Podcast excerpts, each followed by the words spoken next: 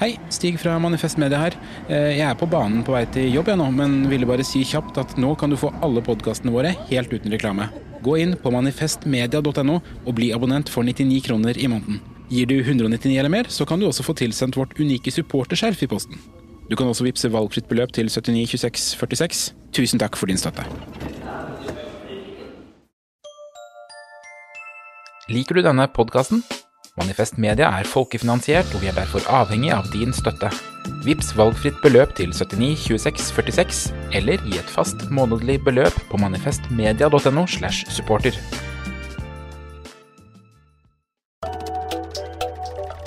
Økotrim med Linn Stalsberg og Kalle Mone. Velkommen til eh, Økotrim, som eh, ikke bare er live her på scenen under Økonomifestivalen KK i Stavanger, men vi er også en podkast som du kan høre overalt der du hører podkast. Eh, Og vi, det er professor emeritus Kalle Mone, som sitter her ved siden av meg, som er da økonom, og meg, Linn Stalsberg, som ikke er økonom, men et helt vanlig menneske. Eh, og du, Kalle, du er jo overalt eh, under denne festivalen, og jeg er glad og takknemlig for at du tok deg tid eh, til din egen podkast. Um, og det, det du driver med, er jo det samme som vi prøver på, nemlig å se på hva økonomifaget kan by på av løsninger for verdens urett og kriser. Men vi ser også på hva faget kan være av stengsler for løsninger noen ganger. I hvert fall så er jeg og du opptatt av begge deler, og det er det vi snakker om. Og i dag skal vi snakke om aksjer. Vi har også aksje i aksjedebatten, vi som ikke er økonomer. Og dette temaet er jo delvis inspirert av eh, aksjeskandalene på Stortinget, der inhabilitet er viktig å diskutere. Men det jeg syns er minst like interessant, er liksom Er det sånn at vi alle skal drive med aksjehandel nå? Skal vi daytrade litt sånn over morgenkaffen før vi går til den jobben som egentlig skal gi oss en lønn å leve av? Er vi idioter hvis vi ikke gjør det?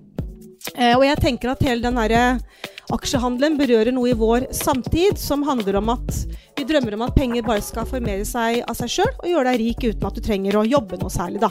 Det som avisene liker å kalle passiv inntekt. Og siden vi er venstresidas eh, podkast, så spør jeg også om er aksjer noe vi på venstresida bør holde på eh, med i det hele tatt, eller er det å spille på lag med fienden, altså kapitalistene?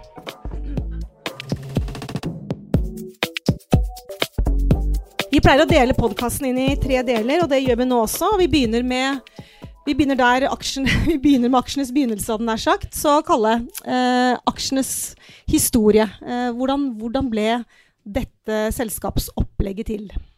Altså, det ble jo til av en spesiell grunn, nemlig at det var stor risiko i store internasjonale selskaper. Det var faktisk i internasjonale selskaper det kom først. Eh, så hvis du går helt tilbake til 1500-tallet, så var det vanlig at store selskaper som er eksponert for mye risiko, måtte ha mange eiere. Og da måtte du ha deleierskap. Det, så derfor så er det engelske navnet for aksje share. Så derfor så er det, det er delt opp i deler, at du skal spre risikoen som dette hadde mye, mye av det du skulle finansiere, var imperialistiske uh, røvertokster. Men det var jo også pirater de ble, kunne bli utsatt for. Så derfor var det veldig viktig å spre risikoen, sånn at det ikke ble én én formue gikk tapt. Det var heller at noen deler av hver formue skulle gå tapt. Så det begynte på 1500-tallet. Kanskje de mest kjente eksemplene eh, kommer litt seinere. Og det er i England, England og Holland det skjer. Altså i, England er f.eks. det østindiske eh, selskapet East, Indian, East India Company, heter det på nynorsk. Eh, det, det ble finansiert ved aksjer. Dette er jo antagelig det selskapet i verden som, alt, som har vært over, all, over alle andre selskaper har vært det mest dominerende selskapet. Eh, jeg tror ikke noe selskap har hatt en tilsvarende makt som The East India Company. Det var finansiert gjennom aksjer. De hadde også fått parlamentsmedlemmer til å skyte inn aksjer i selskapet. Det var halvveis en bestikkelse. Eh, og de blir også reddet av parlamentet når det gikk skikkelig galt. Og som alle her vet, så, så mange, men mange andre tror at, at, det var liksom England som okkuperte India som koloni, men det var da East India Company som gjorde det. Og de tok det gradvis i, i, på 1600-tallet og, og, hadde full kontroll på store deler av det som i dag er Vest-Bengal. Finansiert med aksjer, og det var veldig viktig at det skulle være finansiert med aksjer.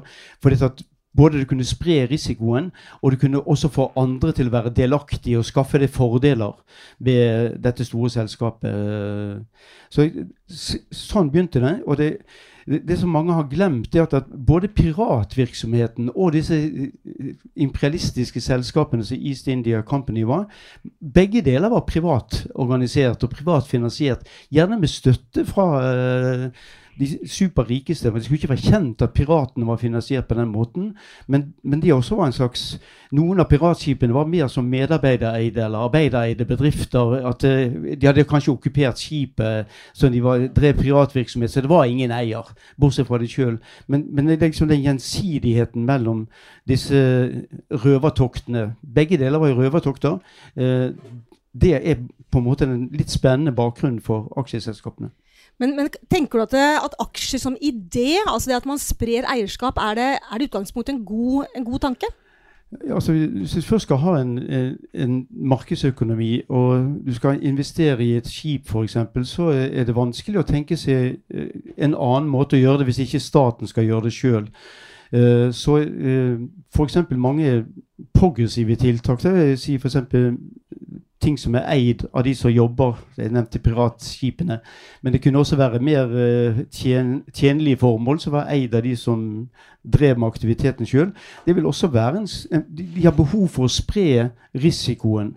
Så det som det gjøres f.eks. i, i uh, områder med sterkt innslag av, av arbeidere, f.eks. i Mondragon i baskiske provinsen i Spania, det er at de forsøker å spre det på en litt annen måte gjennom en bank som de også eier. En sparebank som de eier. Sånn at når det er dårlige tider, så får de litt lavere rente av banken for å spre ned den risikoen og ikke ha både jobb og, form, og sparepengene dine i samme usikre objekt. Så alle alle virksomheter som er desentralisert, og alle gode samfunn har en viss grad av desentralisering. De trenger å spre risikoen på en eller annen måte. Uh, jeg, uh, det jeg husker fra historiefaget på skolen, er at det første gangen du hører om børs, er når du leser om børskrakket i 1929. Uh, eh, men så tenker man ja, men hvor kom denne børsen fra? da? Det må jo ha fungert i noen år før den krakka? Altså, dette kunne vært eh, starten på en børs. Eh, for det var kaffe, kaffesteder. Det var steder hvor de solgte kaffe, og de eh, omsatte aksjer osv. På, på 1700-tallet var det helt typisk. Eh, og så utvidet det seg. Den, den første formelle børsen på, uh, for aksjer den kom i, i, London. Jeg mener det er 1801. Ikke, kan være at jeg husker feil, men 1801. Og New York jeg tror jeg 15-16 år etterpå, 1817. New York er den største aksjebørsen i verden fortsatt. London er vel mer uh, kanskje femte-sjetteplass eller noe sånt. Jeg tror Tokyo er før. Er, jeg husker ikke helt rangeringen, men de er fremdeles de var fra topp seks fremdeles, uh, begge to. Men det er etablert ganske tidlig, og det, det sprang ut fra at de hadde behov for om, at dette skulle være omsettbare papirer. og Derfor så hadde de kafeer som de hjalp til å, å møtesteder for omsetning av aksjer. Og det utviklet, utviklet seg til børser etter hvert. Men uh, i dag er, er vi på venstresida for, for eller imot børs?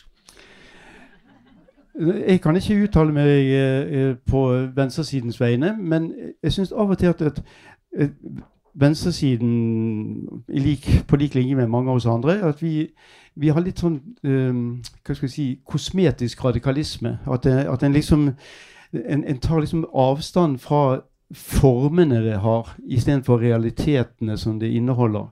Og det som er uh, hvis, hvis, alle eide aksjer, uh, alle vi som var her, så ville det kanskje være en slags uh, folkekapitalisme eller folkemarkedsøkonomi men ikke veldig konsentrert uh, eierskap hos noen. Det betydde jo at, hvis vi gjorde det, alle hadde spredd liksom aksjeportefølje ut for forskjellige bedrifter, ville jo, da ville vi vel liksom ha in, ta inn over oss interessene som alle disse selskapene har i forskjellige sektorer. Og da vil vi kanskje ta litt mer eh, samlete samfunnsøkonomiske hensyn når vi stemte på politiske partier og sånn. Og så får vi kunne Vi fikk en andel av gevinsten som dette skapte i privat sektor. Men vanskeligheten er jo at du kan ikke ha aksjer liksom i offentlig sektor. og Veldig store deler av økonomien må jo være offentlig organisert. Men, men ha, tenke det at du har det som ble kalt for en share economy, som var en idé som uh, går langt tilbake. Utbyttedeling heter noen ganger på, på norsk. Uh, det var en idé at, at at både de som jobbet i bedriften og, andre, skulle alle ha en, en, en andel i, i, bedriftene. For det var skape, skape et slags felles eierskap. Så det var en slags uh, markedssosialisme, om du vil. Uh, Høyre, som var i, i, sin tid var for den ideen, med Sjur Lindebrekk fra Bergen, som var forkjemper for det. Syse var også veldig for dette. De hadde nok en mer, mer De ønsket mer å å få trekke folk inn til å bli ansvarlig for at du hadde et konsentrert aksjemarked. Så vi skulle liksom ha felles interesser med de som eide mange aksjer. Men i den mer desentraliserte, egalitære formen så var det jo ideen at en skulle spre det på så mange at en fikk en slags fellesskapsinteresse gjennom det eierskapet, uten at en fikk store profittinntekter fra én konsentrert uh, bedrift. Så vi kan starte sånn eh, blåveisbørsen for etikk og moral. Og men, men, men, um, men, det jeg tenker på er at alt dette er jo liksom uh, sånn ide ideelt. da, At man kan påvirke et selskap via aksje f.eks.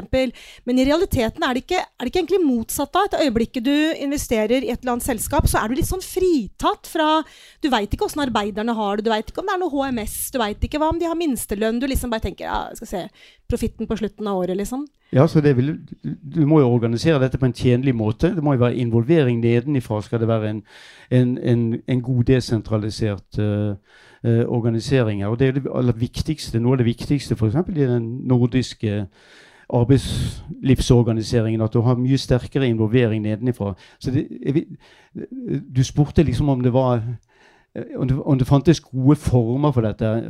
Så jeg ville bare nevne at det har vært, det har vært mye diskutert. Og, uh, det har vært prøvd ut litt i England. Engelske gruver hadde utbyttedeling. Og det var veldig populært så lenge gruvene gikk bra. Men så gikk gruvene dårlig, og da ville ikke, da ville ikke du være med på nedturen. Uh, så det er jo en, det er en, eh, det er en måte Du kan ikke, du kan ikke Eh, du kan ikke be folk om å bære stor risiko hvis ikke du har evne til å gjøre det. Så det må jo være kombinert med en form for sosial forsikring. Mm. En, eh, altså, dette er jo en, en, form for at når det er dårlige tider, så vil også det utbyttet du får av den bedriften du har, være lavt. Så det må jo være kombinert med en lønn å leve av. Eh, så det er det som kommer i tillegg til dette som du eventuelt får en andel av. Men, men, men det er jo ikke sånn vi altså moderne moderne kapitalistisk økonomi er jo ikke sånn, bortsett fra ett eh, si et viktig unntak. To viktige unntak, kanskje. Det er USA til dels, og Japan. Og I USA så er det flere som eier aksjer i den bedriften de jobber, enn det er fagforeningsmedlemmer. Altså det, øh, og det er, det er en stille revolusjon Eh, på godt og vondt, som får veldig liten oppmerksomhet. Det, det, det, var en egen skattefritaksordning for sånne bedrifter. Det ble kalt for ESOP-bedrifter. Employment, uh, employment, employment, Ownership uh, Plans, tror jeg det står for. Jeg husker ikke helt hva Employment Stock Ownership Plans, ESOP. Sånn var det. Eh, og eh, dette uh, har fungert i, i mange bedrifter. Til, men det, i, i, USA så har det kommet som en erstatning for fagforeninger. I Norge burde jo komme i tillegg, eventuelt som tillegg til det. Japan en veldig stor del av, kanskje 30 eller 40% av lønningene til medarbeidere i store bedrifter kommer som utbyttedeling i, i, de bedriftene. Og noen mente, særlig en som nettopp nylig døde, en økonom som nylig døde, Martin Weissmann, han mente at denne share economy, som han kalte det for, at det var veldig bra for sysselsettingsstabilitet og for lav uh, inflasjon. Kan jeg forklare det? kort betydde det. Det tegnet betydde kort. Jeg har sett det før. Uh, ikke alltid min styrke å, etterfølge Jeg skal forklare det med et eksempel. Uh, et eksempel har jeg erfaring fra. Uh, hvorfor er det alltid mulig å få jobb som bokselger? Jo, for bokselgerne koster ingenting. De, du får bare du får 30% av de bøkene du selger, verdien av de bøkene du selger. Så det er alltid veldig stor etterspørsel etter bokselgere. Uh, uh, uh, du, du, du, ser det overalt i verden, så er det en bokselgereffekt. Det betyr at det er, det er større etterspørsel etter bokselgere enn du kan skaffe bokselgere. Det betyr at når omsetningen og prisene på bøkene går opp og ned, så de vil alltid ha flere, uansett om det er dårlige tider eller gode tider. Og Det betyr også at du ikke like lett når det, kostnadene øker for å produsere bøker, så blir ikke dette like lett på en måte eh, priset opp i prisene på bøker. For dette at de, du, du, sikrer dette at du kan ikke redusere sysselsettingen der. For det er ingen vits å gjøre det. Bokselgerne vil at det ikke skal være mange konkurrenter. Men, men, uh, men hver enkelt av de er det veldig stor etterspørsel etter. Og Det betyr at du får en mye mer en slags en slags stabil situasjon der det er et sug etter arbeidskraft. Så hvis du tenkte at dette er gjennomført i Japan, så er det en forklaring til at Japan i hele etterkrigstiden har hatt si, overfull sysselsetting. Det har vært det, det, landet som hadde høyest sysselsetting av alle. Nesten like høy som uh, i Skandinavia. Men det er jo riktignok noen eh, paradokser her, da. For både i USA og Japan så jobber jo folk eh, halvt i hjel seg. Og i hvert fall i USA så er det jo ikke akkurat noen velferdsstat å lene seg eh, på heller. Så jeg tenker Jeg vil bare liksom vri det om til å eh, La oss Men, men tror, ikke det, la, tror ikke det er aksjene sin skyld? Altså. Jeg tror det er andre nei da, men jeg bare tenker at det er, en, det er mye ide, ideelt og fint man kan gjøre med aksjer. Men jeg kan ikke fri meg fra å tenke at i den virkelige verden som vi lever i, så handler aksjeinvestering mest av alt om at din lojalitet lojalitet er til at aksjen skal stige i verdi. Ikke sant? Og f.eks. nå, i 2023, så hadde jeg tenkt våpen. Det må, det må, jo være liksom Det er der jeg legger penga mine inn.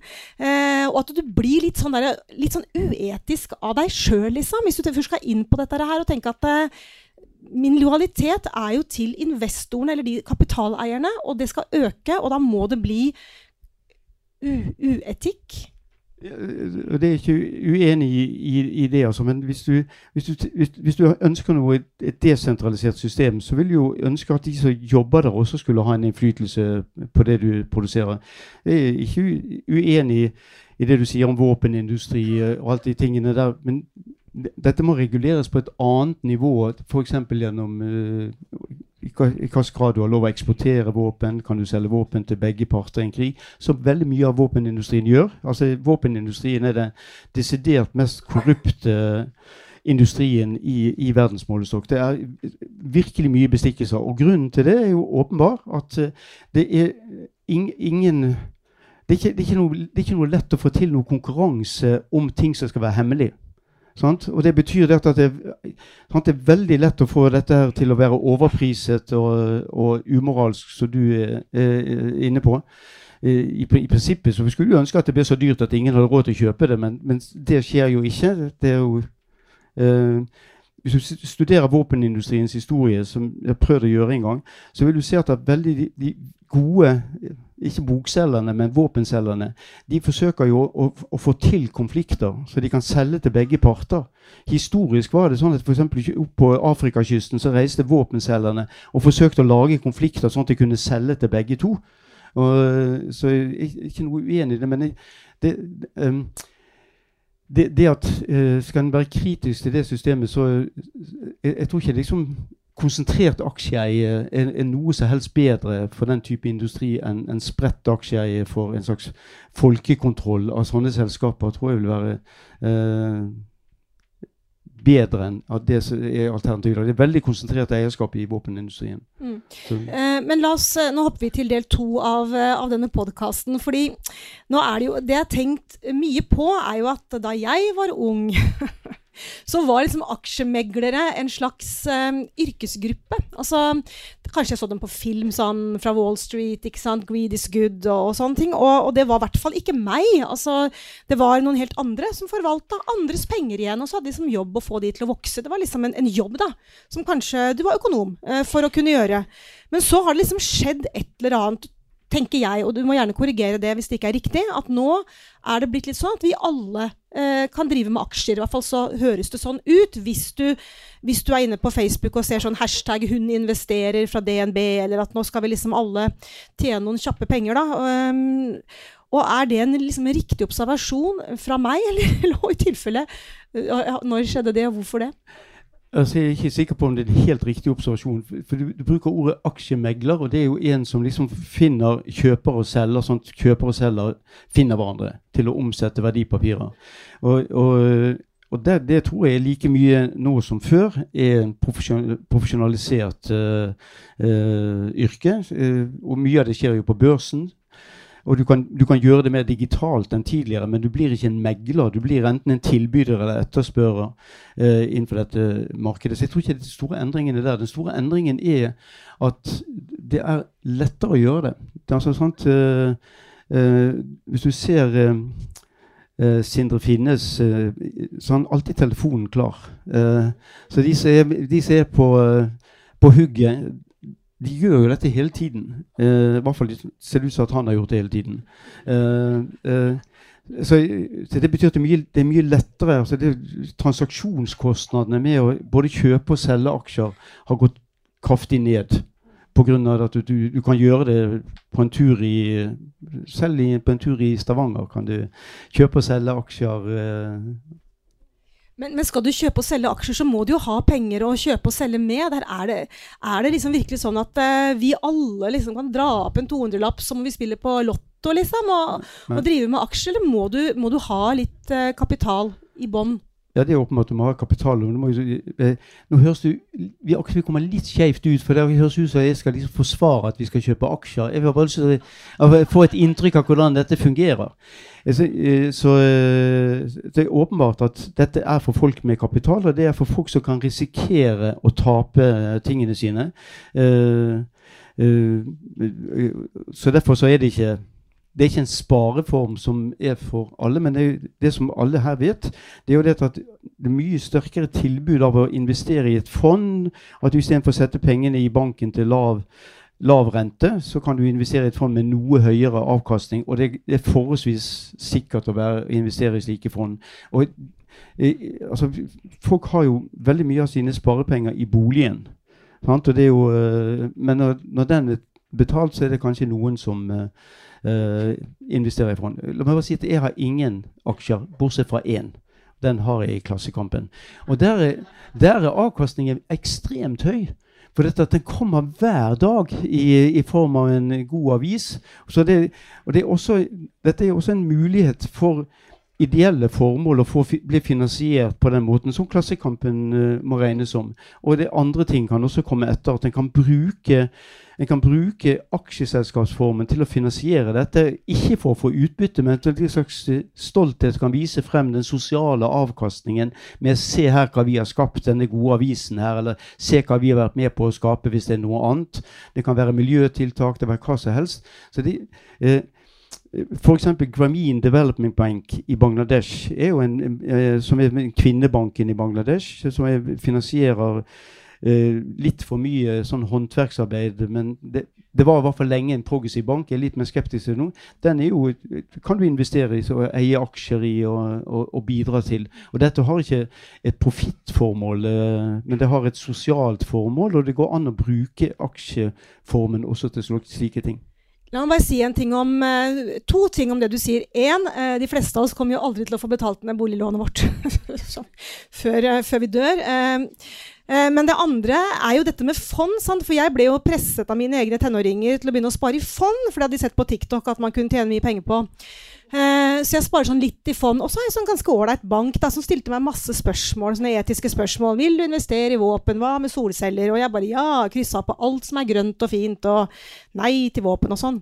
Eh, så det fondet går jo bare ned. Det er jo mindre penger på det fondet nå enn det var da jeg starta. Så det, Men det er sånn, jeg håper liksom at eh, når jeg blir pensjonist, så er det i hvert fall og det er der jeg starta en gang. Så det er jo så det er, det er det jeg mener at det ligger en sånn derre Du må være litt sånn spekulativ, da. Selv på et sånt enkelt nivå som jeg holder på, for å få dette til. Det var egentlig bare et innspill, men du ville si noe? vi, vi er jo alle store aksjeeiere gjennom ø, oljefondet. Sant? Det er jo investert overalt i verden. Uh, så vi, vi kan liksom ikke det Mange får pensjoner fra det fondet. eh, eh, så vi kan liksom ikke helt avskrive at dette er en tjenlig form. Altså? Vi, mange tror at vi tar opp fra Nordsjøen en inntekt, eller det tror jo folk i Stavanger at det er liksom inntekten, det er olja. Men, eh, men poenget er jo at, at en tar opp en formue som ligger på havets bunn. Så tar en opp i dagen, og da må vi liksom investere den formuen for at det skal være såkalt bærekraftig. Eh, Så du må investere den formen i en annen form. Og det må jo skje for at det, med så store beløp som dette dreier seg om, så må det spres rundt på forskjellige land. Så du kan jo si det at, at, at eh, kanskje det disiplinerer Norge til å være litt mer human. For det, vi ønsker jo at ikke de skal stjele våre aksjer som vi har investert overalt i verden. Ikke bare, det kan være andre verdipapirer også, selvfølgelig. Men, men det må jo oppføre oss pent, så ikke de sier at de der nordmennene de, de, de, det nasjonaliserer vi, det selskapet der de eier aksjer. Så det har, en, det har en disiplinerende effekt også for, for oss. For vi må huske at vi er ikke spesielt populære i verden for tiden. Og grunnen er jo de store krigsprofittene vi tar på energiproduksjon eh, generelt. At vi forlanger all slags eh, opptreden fra andre land, men sjøl så burde vi jo helt urettmessig den store inntekten som vi har, tatt, eh, som vi har fått på, på særlig på gass eh, i forbindelse med krigen i Ukraina, den burde vi jo opprette et et hjelpefond med, men istedenfor så later vi det som om det er våre penger. Og, og, og med største rett investerer vi det overalt i verden og, og venter at de ikke skal ha noe hevntokk tilbake for oss som har vært så grådige. Så jeg, jeg, vi må passe på hvem vi er. Altså, vi, vi er I verdensmålestokk så er vi på en måte en slags adel. En ressursadel. eh, Og det er sånn tror jeg mange kommer til å se på oss hvis vi gjør dette en vinter til. F.eks. uten å dele med andre.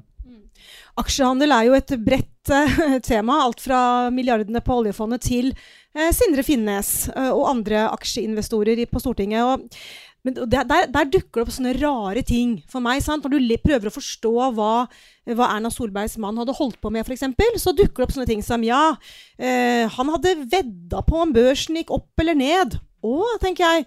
Ja, dette er noe jeg husker fra sånn finanskrise 2008-filmer fra Hollywood, liksom. Så tenker jeg, er det, hva, hva, er det, hva er dette her egentlig? Altså, og hva, hva er det mest crazy man kan hva, Jeg skjønner ikke hvor, det, hvor det er i forhold til sånn liksom vanlig aksjehandel. da. Hva er det han driver med? Eller drev med, kanskje? Ja, han driver sikkert fortsatt. Eh, det, vet jeg, det vet jeg ingenting om, men uh, det ser ut som han har vent seg til en, en viss spenning i livet som kommer fra Men det, det, som, det som han gjorde på de veddemålene, det er liksom Det er akkurat som du Du, du eh, du, du, kjøp, du, selger aksjer som ikke du eier. Sant? Og, og det, det, dette nå kan det gjøres med in, Det er lettere å forklare. akkurat Hvis jeg lånte aksjene som alle folkene har her, og så selger jeg de, så, så håper jeg at, at prisene skal stige på de aksjene. Sant? Så, så kan jeg betale litt til meg og litt til uh, de andre. Sant? Han, han, han, han inngår i finansielle veddemål på at disse aksjene som man i prinsippet låner nå er ikke, Det er ikke fysisk sånn de gjør det lenger. Du kan kjøpe finansielle instrumenter som, som bidrar til det samme. Men det betyr at du, du, du er villig til å selge ting du ikke eier.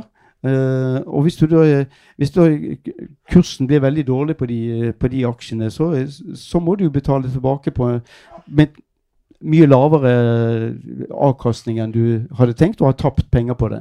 Så han, han gjorde dette ved å, ved å også finne, lånefinansiere det, uh, som du kan gjøre. Som eksponerte seg enormt for risiko. Med det. Var det ikke noen sånne store investeringer? Kan ikke måle seg med de som er virkelig store investorer på børsen. Men, men, han drev litt med den type ting som er veldig risikoeksponert, og som de aller fleste som har greie på dette, advarer individer fra å gjøre, med mindre de er veldig rike. Men alt dette her er liksom lov og, og, regulert på en eller annen måte? Eller alle disse her, eh, hva, he, hva heter det på fagspråket, disse veddemål, eh, veddemålene? Giring eh, kan du gjøre. Short sale. Så det, det, er forskjellige instrumenter du kan kjøpe for, eller benytte deg av i, i, en sånn sammenheng. Og, Men, det, og, det, er lov, liksom? Dette er, det er regulert? Lov, det er lov å gjøre det. Uh, uh, så det, det vil jo Altså Hvis en f.eks. tror at det er ingen verdi i, eh, i, verdsetting av aksjer gjennom en børs, så bør en liksom avskaffe disse tingene eller regulere det. Og, og det bør i alle fall ikke være politikere som driver med det. Eh, men dette er den mest vanlige formen for korrupsjon i andre land. Og vi er veldig sikre på at det er korrupsjon når det skjer tilstrekkelig langt vekke. Men når det skjer nært oss, så, så, har vi all slags mulige andre forklaringer. At det var, men den, den mest vanlige form for korrupsjon f.eks. i Afrika, det er at familiemedlemmer har fordelene av det som ministrene beslutter. Og, du kan spore det, det er ofte så, så, klart at det er sønn eller kone eller eh, fetter eller noe sånt, og det er veldig lett å finne ut av det. Bygge flyplass og sånn, så går oppdragene til bestemte personer, og de høster fordelen av det. Det skjer ikke så lett gjennom aksjemarkedet i andre steder, men det er fordi at Afrika ikke har så veldig utviklet aksjemarked. Hvis de hadde hatt det, så hadde de gjort det. Eh, Afghanistan, masse ting som Afghanistan før Taliban overtok, var ekstremt korrupt. Altså Kasai-regimet var antagelig et av de mest korrupte regimene vi har hatt. Det var en i regjeringen som stakk av med, med hele eh, formuen til en bank. Så disse, dette, disse tingene er og, og dro til Dubai eh, med dette. Så, dette var jo alle visste dette at det ble gitt penger til uh, Kasai-regimet for at de skulle ha en hær som skulle kjempe mot uh, Taliban. Og når Taliban kom, så var det ingen her, for de hadde jo stukket av med pengene. Så, men mitt poeng i denne sammenhengen her, er at det, det, som har skjedd i veldig liten skala i Norge, det er den typiske form for, for, korrupsjon i andre land. Og når vi ser det i andre land, så har vi veldig skarpe ord for det, som jeg nettopp har et eksempel på. Eh, for da vi, synes vi vi ser det helt klart, men når det skjer i Norge, så har vi veldig formildende omstendigheter. Og det er mindre skala, men det er veldig likt. På engelsk heter det 'straddling'. Og du har én fot i offentlig sektor og én fot i privat sektor. Og siden du har et felles hode, så, så, bruker du den ene foten til å gavne den andre. Så. Men det er noe sånn og annet og litt sånn politisk prinsipielt som jeg uh, tenker på med denne aksjehandelen på Stortinget. Og det, det, er kanskje litt fordomsfullt, men det må jo være lov. på, i denne podkasten. Um, men jeg tenker litt sånn at Sindre Finnes og politikere på høyresida driver med aksjer, tenker jeg er som forventa på en eller annen måte. Altså, det skal jo være lov å være rik, skal det ikke det? Og der er det jo ikke noe tak. Men så blir jeg liksom litt mer skuffa når uh, sosialdemokratene driver med det samme. fordi er, ikke, er ikke poenget at vi skal alle ha en lønn å leve av? Og, og hvorfor, hvorfor, trenger du da en million ekstra på lønna di, eller to eller tre? Eh, og at det liksom er en sånn er det, er det, sånn vi skal holde på, liksom? Og, og jeg blir liksom litt mer sånn hvis man tenker litt sånn marxistisk, da, altså ikke, driver man ikke egentlig og støtter kapitaleierne da, med denne her aksjeinvesteringa si, eller, eller hva tenker du om det lille sukket der? Ja, det kan jeg forstå. Uh, syns det er fint at folk sukker litt av og til og tenker seg om. Men, uh, men uh, det, det, som har vært forbudt med det som de har gjort, det er jo som er skikkelig forbudt, og som det er veldig skarpe reaksjoner på i så å si alle land, og det er det som blir kalt for innsidehandel. og Det betyr dette at du har informasjon som de andre ikke har, og du, og du kan høste fordeler av det. Men det, som du sier, er ikke det bare støtte til kapitalene, men f.eks. innsidehandel. Det er jo en trussel mot andre aksjonærer, først og fremst. Er, du, du, stjeler verdiene eh, deres ved at du har en fordel, og du kan innrette din portefølje etter informasjon som bare du har. Og, og det er veldig vanlig, det burde være veldig sterke, strenge regler eh, mot at politisk eh, kvin, eh, Hva heter det? Hele familien til, eh, nære familien til uh, politikere burde ikke ha lov til å handle med individuelle aksjer.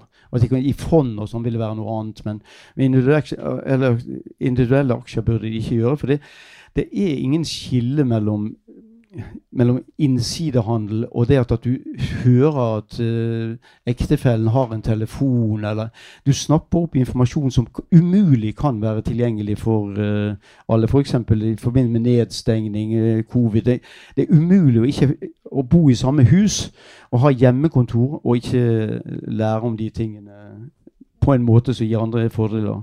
Så gir deg fordeler jf. med andre. Men jeg bare gjentar en gang til at det, det, er ikke, det, er ikke, fra arbeiderne du stjeler dette. Du stjeler det fra andre. Du stjeler det fra John Fredriksen. og det, Kanskje han tåler det. men, men liksom et, uh, la oss liksom hoppe nå i til del tre av podkasten, som jeg, som jeg syns er litt interessant. For dette, uh, fordi at dette med aksjer det berører et litt sånn større, uh, en større tematikk, da, sånn som jeg ser det. Det henger litt sammen med det der, som jeg nevnte. Må vi tjene Må vi ha noe mer ved siden av liksom, fastlønna vår, eh, i den grad vi har fastlønn, eh, for å kunne ha et godt liv. Sant? Og da kommer alt dette her som jeg, eh, litt, som jeg og, og, mediene kaller for passiv inntekt. Sant? Altså der, Vi skal helst ha en leilighet som gir en sånn utleieleilighet som gir oss litt ekstra penger i måneden. Eh, ungdommene snakker om dropshipping på nettet. De kjøper noe billig drit og selger det litt dyrere. Eh, eller, at har, eller at vi har aksjesparing. Da. At det er liksom ikke nok å ha den der måned-til-måned-inntekten. Og at det er blitt en sånn greie liksom i vår kultur. Og det, det, det gjør meg litt sånn, litt sånn stressa, nesten. Altså Er det ikke nok å ha, ha en lønn å leve av? Må vi ha det, der, det lille ekstra? Ja, jeg har ikke noen aksjer, så det er ikke rette person til å Jeg har én, men den, de betaler ikke utbytte. Men uh, uh, så hvis jeg, hvis jeg skal svare på det altså, Sammenlignet med hva er jo den naturlige responsen? Hva er alternativet som vi skal vurdere dette opp mot? Uh, uh, jeg ville jo synes det var veldig dumt hvis vi hadde f.eks. at, at det, det, bare de rike som eventuelt skal kunne skaffe seg uh, en, en, andel av overskuddet som arbeidskraften skaper i, i Norge. At, at, det vil også være en mulighet for andre til å kunne få en, en andel av dette. Nå vet vi at, at det, det, som ofte skjer, det er at når en får en liten andel av en stor gevinst, så blir en ofte interessert at den gevinsten skal være stor. Eh, og det er de andre som får den brorparten av, av, de gevinstene. Så en må passe på det ideologiske. Det tror jeg det, det viktigste å, å, å, si her. Altså det, det, du når du sparer penger i, i, i, banken, så får du en rente på de pengene. Det er jo fordi at banken går med overskudd og kan liksom betale de rentene. Så det er ikke eller hvis du er lærer på et økonomisk institutt, så utdanner du jo folk eh, som skal bli eh, framtidens bedriftsleder osv. Men jeg har lyst til å bare ta en litt annen, annen vri på det. For jeg er enig i at, at det er viktig å ha en en, en, grunnleggende inntekt i, i, i livene så, som ikke er så eks, eh, så veldig, eksponert for risiko. Og det er jo det den, en, en har Så aksjemarkedet skulle bidra til å spre risikoen alt i alt. Men mange av de finansielle instrumentene er blitt sånn at finanssektoren i seg sjøl er blitt risikoen. Så, så den, den skal, Det som liksom skulle bidra til at det blir stabilitet, den inneholder også en kilde til enorm ustabilitet, som du har sett gjennom finansielle kriser. Og, det, og disse tingene er Så her trengs det skikkelig god regulering. Eh, av finansielle markeder. Og det, det, ser ut til å være et, et mønster at når det har vært en finansiell krise, så er det veldig stram regulering en stund. Og så begynner folk å si er det nødvendig med denne eh, Det er folk som kan tjene masse penger på deregulering av finansielle markeder. Så sier det jo så lenge siden vi har hatt krise nå. La oss deregulering litt mer. Vi kan ikke holde på disse gamle eh, halvkommunistiske reguleringsregimene. Konkurransetilsynet, de kan, Finanstilsynet nå, nå kan de dempe seg litt. Grann. Og når det har gått en stund, så begynner du å lage produkter som er sånn at, det, at du veldig igjen får et nytt krasj eller en ny finansiell eh, grov ustabilitet. Og de finansielle ustabilitetene de går utover oss alle. For dette at nå får du en, en, en krise i økonomien som regel. Eh, Norge var veldig heldig, eller hva skal vi si, administrerte den finanskrisen i 2007-2008 så bra at, at, vi ikke ble rammet spesielt hardt. Det tror det andre ikke ser De, de mener vi hadde ikke en finanskrise sammenlignet med andre land. Men, men, vi vet jo at i andre land så gikk jo dette skikkelig ille. Uh, og, og, det rammet helt uh, folk som aldri hadde spekulert i aksjer, eh, til å, både til å miste jobb og til å så, så derfor er det regulering av de finansielle markedene tror jeg er kjempeviktig. Og god, hensiktsmessig regulering. Og på en måte som vi vil liksom minne hverandre på hele tiden at dette Vi kan ikke slakke av på de reguleringene, for det, da blir det som skulle være et instrument til å spre risiko, kilden til risiko i seg sjøl. Men det handler jo også om å ha liksom, et regulert samfunn som henger sammen med seg sjøl. Altså jeg prøver liksom å si noe om den der, liksom, tidsånden, at vi føler at vi må ta så innmari mye ansvar. For vi stoler ikke helt på F.eks. hvis du er ung i dag, da, så stoler du ikke helt på at jeg kan få meg en vanlig jobb. Og i den vanlige jobben kan jeg få meg en vanlig leilighet med to soverom i den byen jeg vil bo. Eh, og jeg kan ha råd til en ferie en gang i året. Du begynner å tvile på eh, om, om, det er bærekraftig, på en måte, for det boligmarkedet er så spinnvilt da, i byene f.eks. Og da tenker du oi, jeg kjøper noe skvis fra Kina og selger på nettet, for jeg må ha de pengene kjapt. Eh, at det er en sånn at den utryggheten og sol manglende solidariteten, da, velferdsprosjektet, eh, spilles litt opp. da, eh, Fordi du føler at du må ha mer ansvar sjøl. Og er det annerledes nå for de som vokser opp nå, enn da, da du var ung eller jeg var ung, f.eks.? Jeg tror hvis, noen, når jeg var ung, hvis noen sa på kantinen på SV-bygget på Blindern der jeg var student, hadde sagt at, det var liksom viktig å kjøpe aksjer og sånn, så hadde jeg blitt ledd ut. Eh, men det var også en tid hvor, eh, hvor, det var, eh, hvor det var et initiativ i Sverige med eh, eh, lønnstagerfondene. Vet noen er så gamle at de husker så langt tilbake. Eh, kanskje de bestemoren deres husker det. Men, men eh, altså, lønntagerfondet det var en idé som Den hadde veldig, en veldig god idé. Den, den, observerte dette mange lønnstakere. Hadde moderert sine lønnskrav for at, at, Sverige skulle være en konkurransedyktig økonomi internasjonalt. Så nå skulle en få en andel av de av de gevinstene som dette skapte for kapitaleierne, de skulle også komme tilbake til lønnstakerne.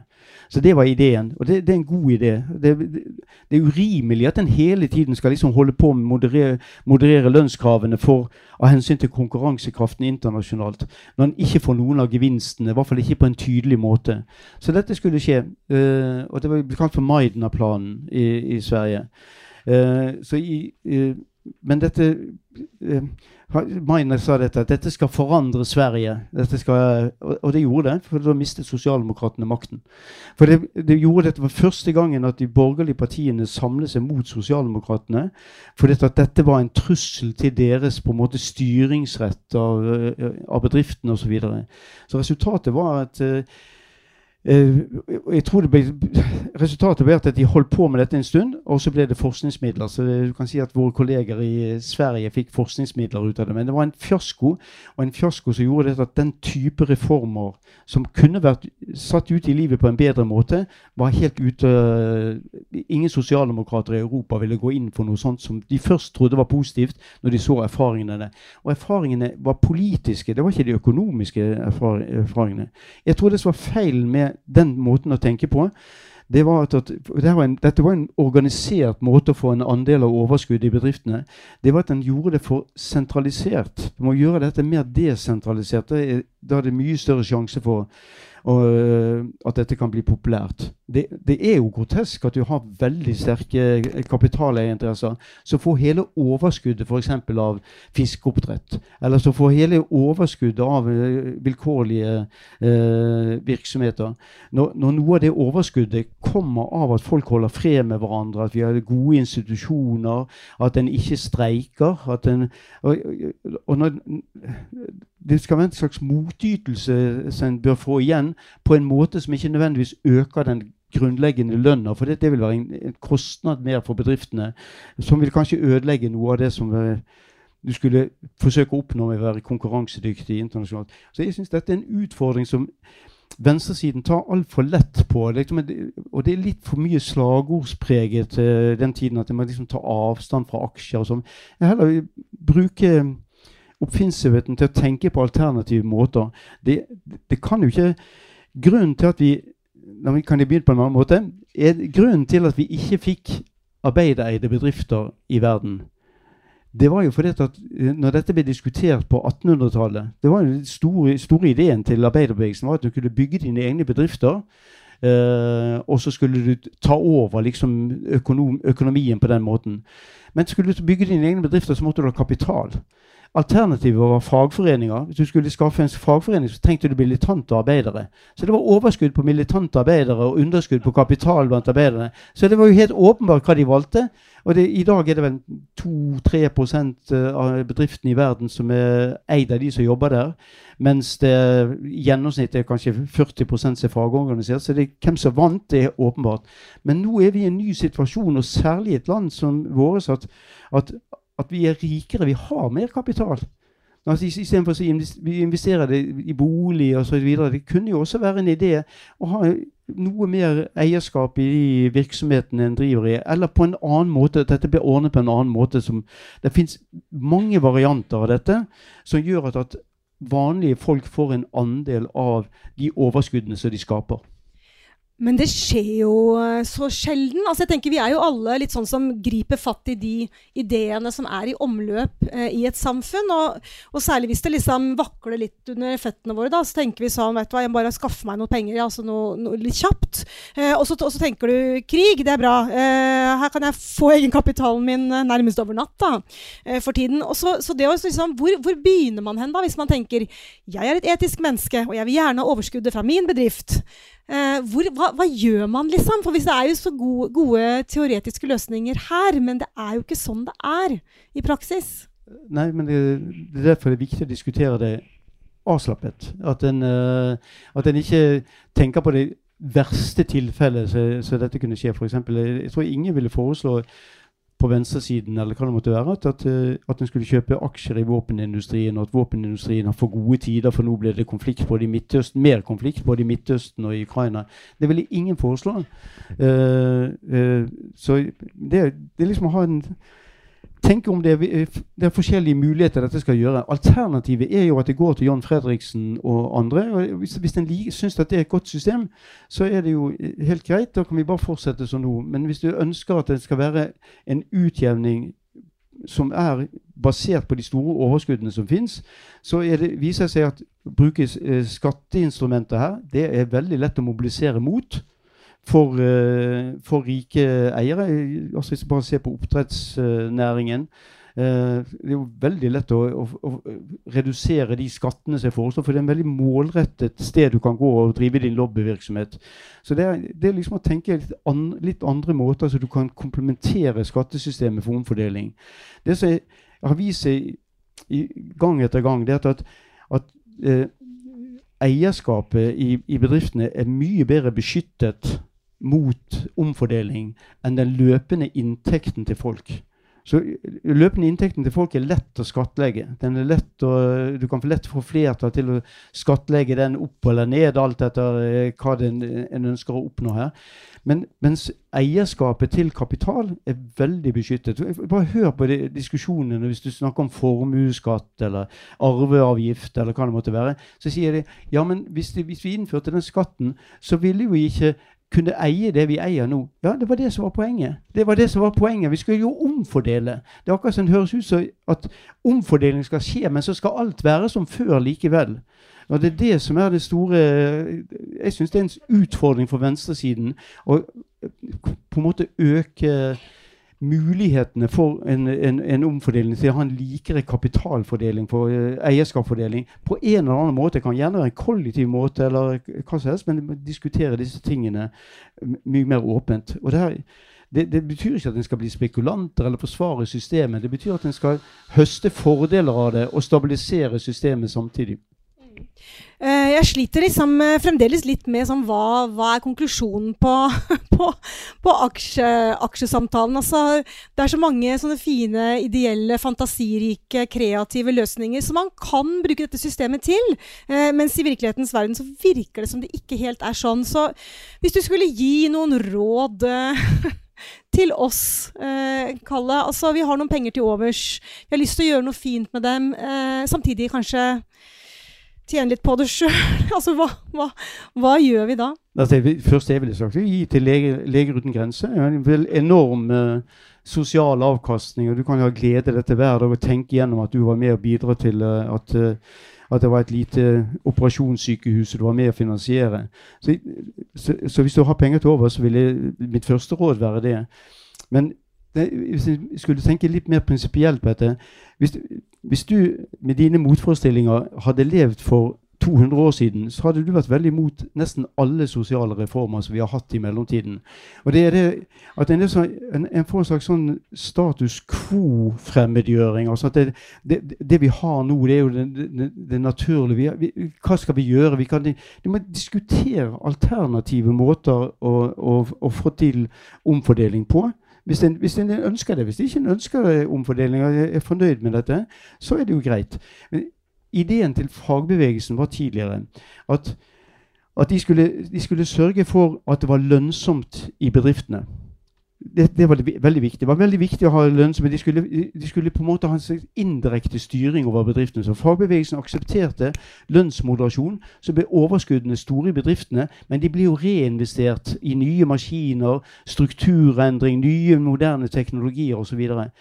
Så, så Så det var en slags underforståtthet at dette var jo deres egne sparebeslutninger. Det var lønnsmoderasjonen. Og så brukte de bare de kapitaleierne som sparemaskiner. Og de var ganske gode til å finne teknologier, finne nye ting å investere i.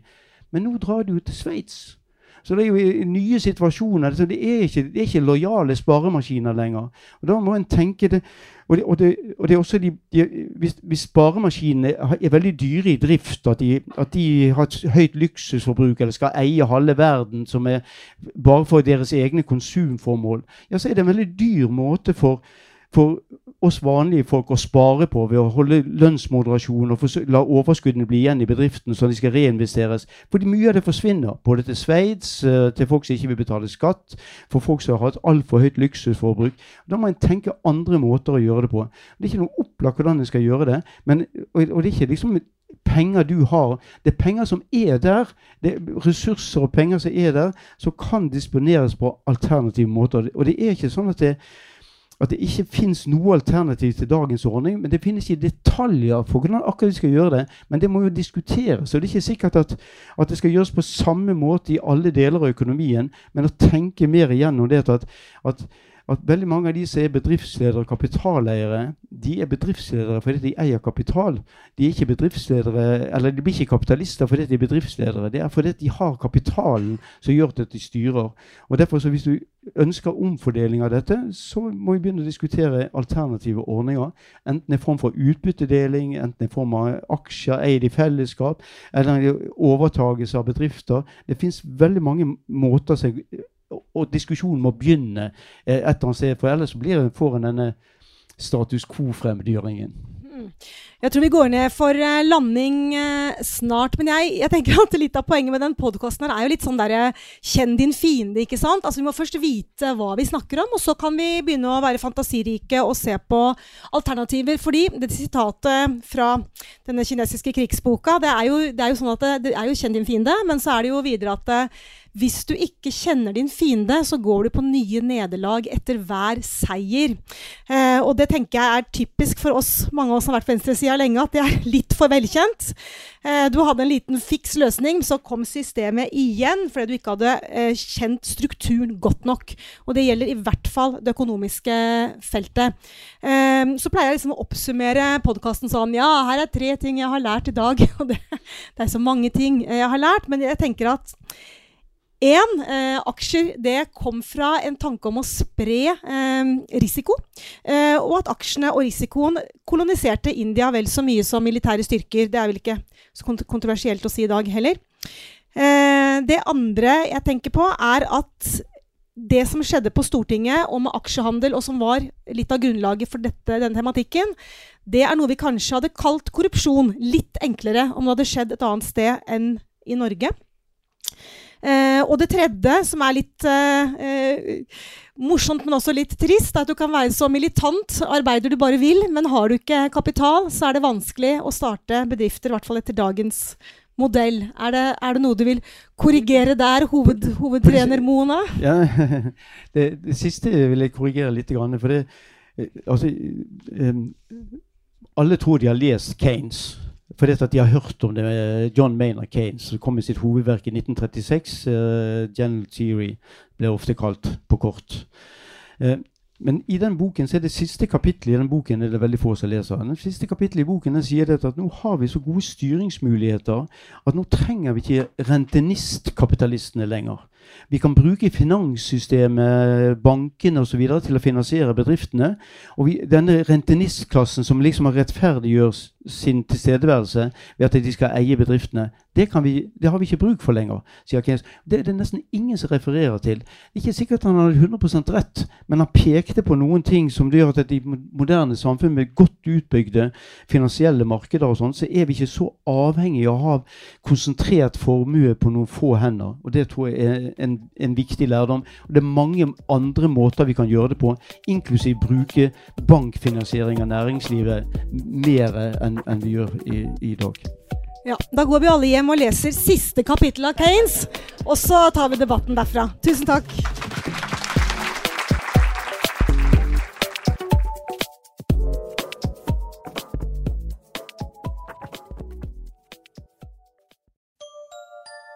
Likte du denne podkasten?